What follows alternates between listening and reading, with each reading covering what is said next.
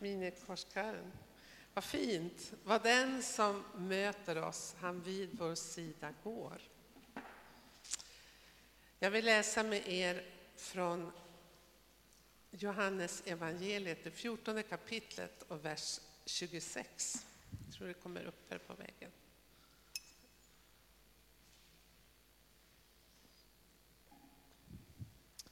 Jesus säger Frid lämnar jag kvar åt er. Min frid ger jag er.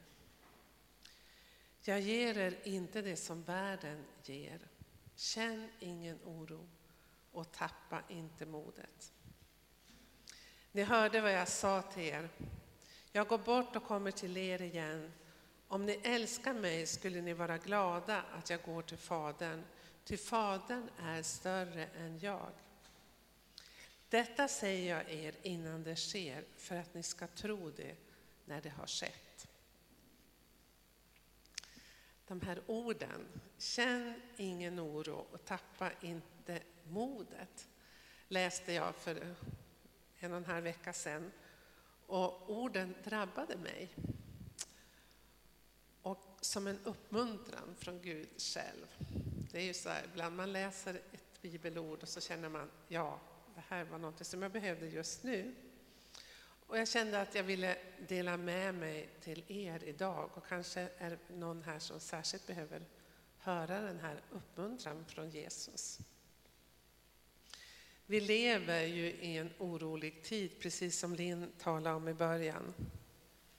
Och vi hör och läser om hur rädslan breder ut sig i många länder och påverkar människors livsval och även politiskt. Och den här veckan har vi än en gång blivit påminda om terrorn, hur nära den är oss genom det som har hänt i Manchester. Men också tänker vi på våra kristna bröder och systrar som drabbats så hårt i Egypten. Jag tror de sa det var hundra stycken kristna som har blivit dödade sedan december och då räknar de inte ens upp alla sårade. Och vi tycker att det är förfärligt när några blir dödade här i Sverige, för vi är helt ovana vid det. De senaste åren så har vi hört ofta, och vi hör det gång på gång nästan varje dag, om terrordåd och krigsrapporter, och jordbävningar och översvämningar. Och till slut blir det nästan som ett mediabrus, det bara susar förbi oss. Jaha, nu händer det igen. Det blir som en ljudkuliss. Och det är ju, det, det är ju hemskt när det inte är nöden människor runt omkring oss drabbar oss. Men jag tror ändå att oron på något sätt smyger sig på oss när vi stannar upp och vågar tänka efter. Och igår hörde jag på nyheterna att man har gjort undersökningar att i Sverige, vad människor är rädda för i Sverige, så är det framförallt miljöhotet som drabbar människor runt hela vår värld, men även oss. Och tyvärr så är det vi själva som påverkar det som händer med vår miljö. Det verkar precis som om vår jord befinner sig mitt i de vedermödor som Uppenbarelseboken räknar upp. Vi hör om förgiftade sjöar och hav och floder, om jord, om krig och terrorhot, flyktingströmmar, hungersnöd, vattenbrist. Precis som det vi läser om i Johannes uppenbarelsebok. Och samtidigt så lever vi ju just nu då, här i Sverige i försommarens ljuvliga tid som ger oss löfte om värme och ljus och kanske lite vila under sommaren efter vinterns kyla och mörker. Det är ju så att sorg och glädje, ljus och mörker, oro och förväntan kan bara finnas där samtidigt. Känn ingen oro och tappa inte modet. Tappa inte modet. Kan det vara ord av tröst till dig och mig? Kan det vara ord av tröst i en tid som vår? Kan du ta till dig den i din livssituation? Och i så fall, vad är det som kan befria oss från oro och modlöshet? Jag läste de här verserna och när jag skulle förbereda min predikan så tänkte jag att nej men jag måste ju läsa sammanhanget, det ska man göra som pastor. Och de här verserna som jag har läst de kommer från Jesu avskedstal. Jesus säger det här till lärjungarna sista kvällen han är tillsammans med dem. Jesus vet själv vad som ligger framför. Men lärjungarna är också oroliga. Om du när du kommer hem tar fram en bibel och läser Jesu hela avskedstal som är från Johannes 13 och 36 till 16 och 33 så är det så uppenbart utifrån lärjungarnas frågor att de är oroliga. De visste att översteprästen hade planerat att döda Jesus. Samtidigt så hade de ju själva förväntningar att Jesus skulle upprätta det nya Gudsriket. Och så pratar Jesus om att han ska lämna dem. De blir förvirrade, oroliga. Och jag tänkte att vi skulle se på Jesu avskedstal. Om du läser hela det här från kapitel 13 och 36 till 16 och 33 så ska ni se att Jesus gång på gång säger jag kommer att lämna er, men jag kommer att komma tillbaka. Och så säger han, precis som vi har hört alldeles nyss, detta säger jag innan det sker, för att ni ska tro när det har skett. Och troligtvis var det så att den här kvällen när de var tillsammans och Jesus hade delat brödet med dem och välsignat vinet och de, han hade tvättat deras fötter så hade de lite svårt att ta in vad Jesus sa. Ni vet när man är riktigt orolig och, och så där, då har man lite svårt att ta in det. Men Jesus han säger, jag säger det här för att ni ska komma ihåg det sen. Och han säger samtidigt också att han ska sända dem den helige ande. Han ska inte lämna dem ensamma. Och att den helige ande ska påminna dem om allt det han har sagt. Inte bara sista kvällen utan allt annat som han har sagt. Och därför tror vi ju verkligen att det ord som vi läser om i evangelierna, som vi tror i Jesu ord, det är därför att vi, vi tror att det var så att den helige ande påminde lärjungarna om vad Jesus har sagt. Ja, de var också tränade i att memorera ord och komma ihåg det. Så att... Men just det här att Jesus säger att jag ska lämna er, men ni behöver inte vara oroliga. Jag ska inte lämna er ensamma. Jag ska komma till er. Jag ska sända er hjälparen, den helige Ande. Och det är ju fantastiskt. Det är det vi också, vi lever ju här nu mitt mellan Kristi himmelsfärdsdag där vi påminns om att Jesus återvände till Fadern och innan pingst när Jesus sänder den helige Ande. Men vi lever ju efter pingsten så du och jag kan få ta emot den helige Andes kraft här idag och få känna att Jesus bor i oss. Vi är inte ensamma. Som vi också hörde i sången här. Det här säger Jesus gång på gång. Han berättar mycket om den helige Ande i sitt avskedstal. Och för det tredje, i kapitel 15 så säger han, han uppmuntrar dem, bli kvar i mig så blir jag kvar i er. Bli kvar i mig. Håll er nära mig. Var rädd om relationen till mig. Och om ni håller er nära mig så kommer jag att bli kvar i er. Det är en ömsesidighet. Bli kvar i mig så blir jag kvar i er. Precis som han uppmuntrar dem, bli kvar i min kärlek så kommer min kärlek bli kvar i, i er. Och så säger han, om vi håller hans bud så blir vi kvar i hans kärlek. Jag vet inte om du har läst de här orden och tänker, ja, det är ju fint att Jesus säger bli kvar i min kärlek. Men så när han säger om, ni håller, om vi håller hans bud så blir vi kvar i hans kärlek. Då tänker oj, det är många bud som finns i Bibeln och klarar jag av att hålla alla dem? Och så tänker vi det är ju kört redan från början. Men i vers 12 så säger han, mitt bud är detta, ni ska älska varandra som jag har älskat er. Jag tror att det bud Jesus talar om, det är det att vi ska älska varandra. Då blir Guds kärlek kvar i oss. Alltså, om vi lever ut den kärlek som vi själva får från Jesus, så blir vi kvar i hans kärlek. Det blir en slags omkrets. Mm. Vi tar emot hans kärlek, ger den vidare och så får vi mer kärlek. Vi lever i hans kärlek, vi ger ut det vi får och blir kvar i hans kärlek. Och så säger han så här, detta har jag sagt er för att min glädje ska vara i er och er glädje ska bli fullkomlig.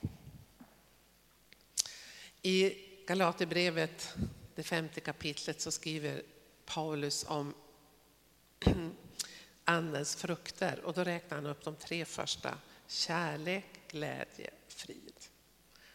Och i Jesu avskedstal är precis det som Jesus talar om. Han talar om, jag vill ge er min frid, bli kvar i min kärlek. Och jag har sagt er detta för att min glädje ska vara i er och er glädje ska bli fullkomlig.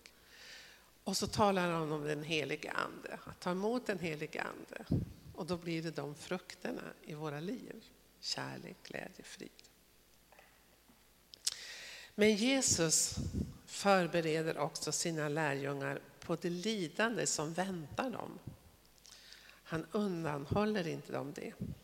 Och han avslutar sitt tal med orden Detta har jag sagt er för att ni ska ha frid i mig. Och så kommer orden som vi inte vill höra. I världen får ni lida, men var inte oroliga, jag har besegrat världen. Var inte oroliga, jag har besegrat världen.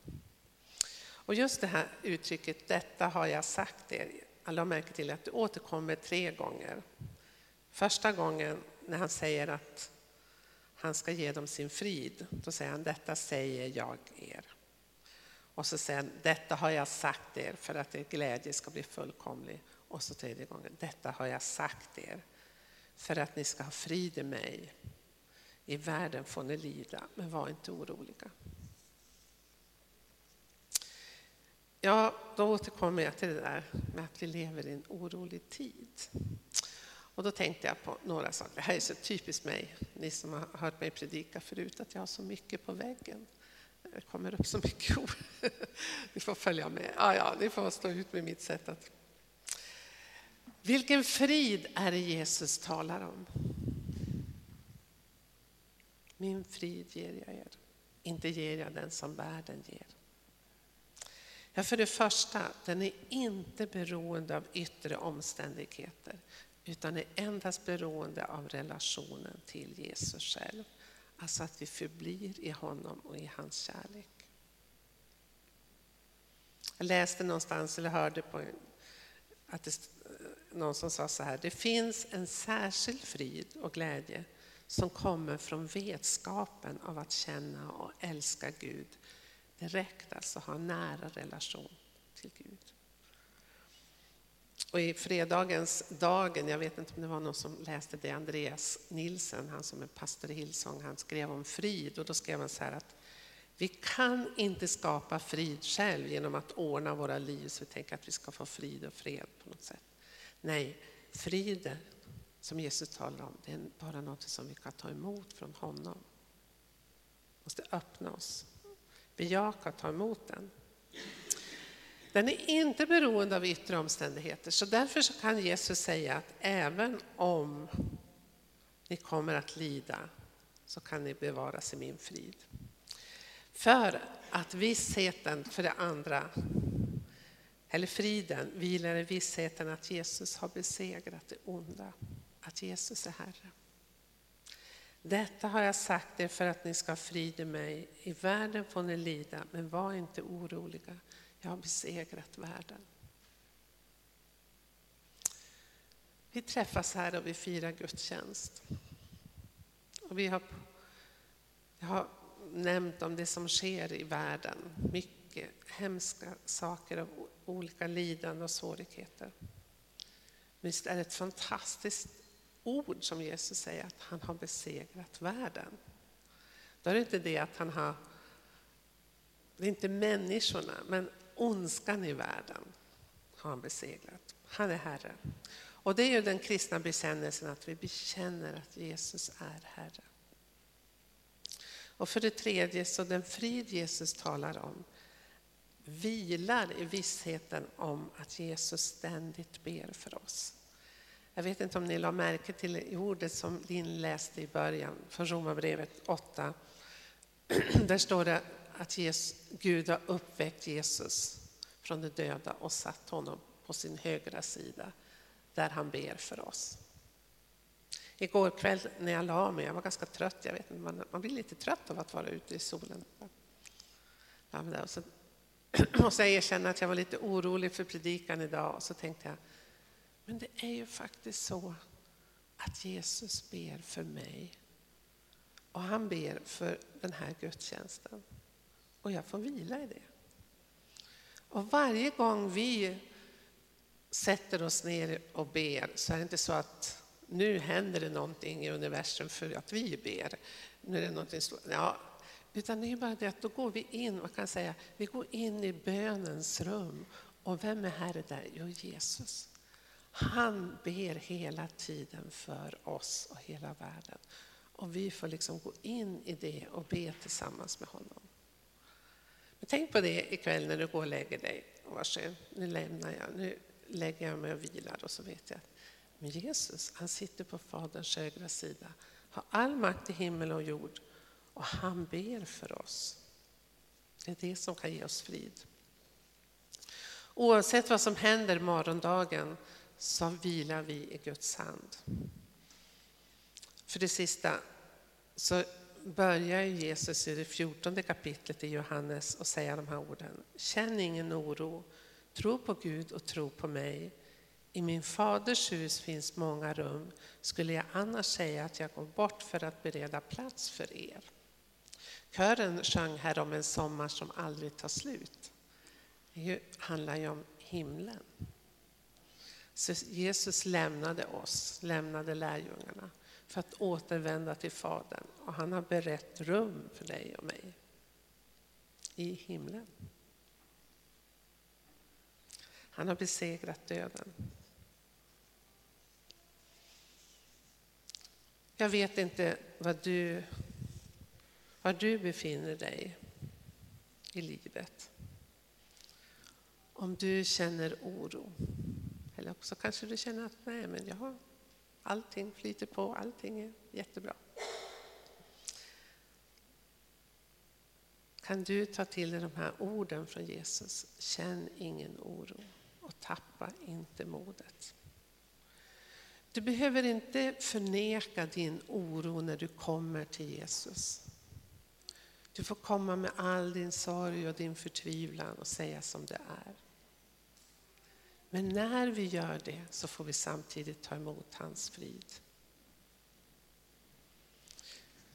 Precis som det står i Filipperbrevet 4 och 6, och det ordet har ni inte på väggen, som ni säkert känner igen flera av er. Gör er inga bekymmer, utan när ni åkallar och ber, tacka då Gud och låt honom få veta alla era önskningar. Då skall Guds frid, som är mera värd än allt vi tänker, ge era hjärtan och tankar skydd i Kristus Jesus. När vi kommer till Gud med alla våra bekymmer, all vår oro, allting och säger som det är och tackar men också uttrycker vår sorg. Då ska Guds frid som övergår allt förstånd, som är mer värd än allt vi tänker som det står här. Ge era hjärtan och era tankar skydd i Kristus Jesus. Och då måste jag få läsa vad som stod i dagen utifrån det som hände i Manchester här i veckan. Och naturligtvis så hade kyrkorna i Manchester och runt hela England öppet och hade gudstjänster dit människor fick komma och uttrycka sin sorg. Och den anglikanska biskopen i Manchester, David Walker, han sa så här, ursäkta.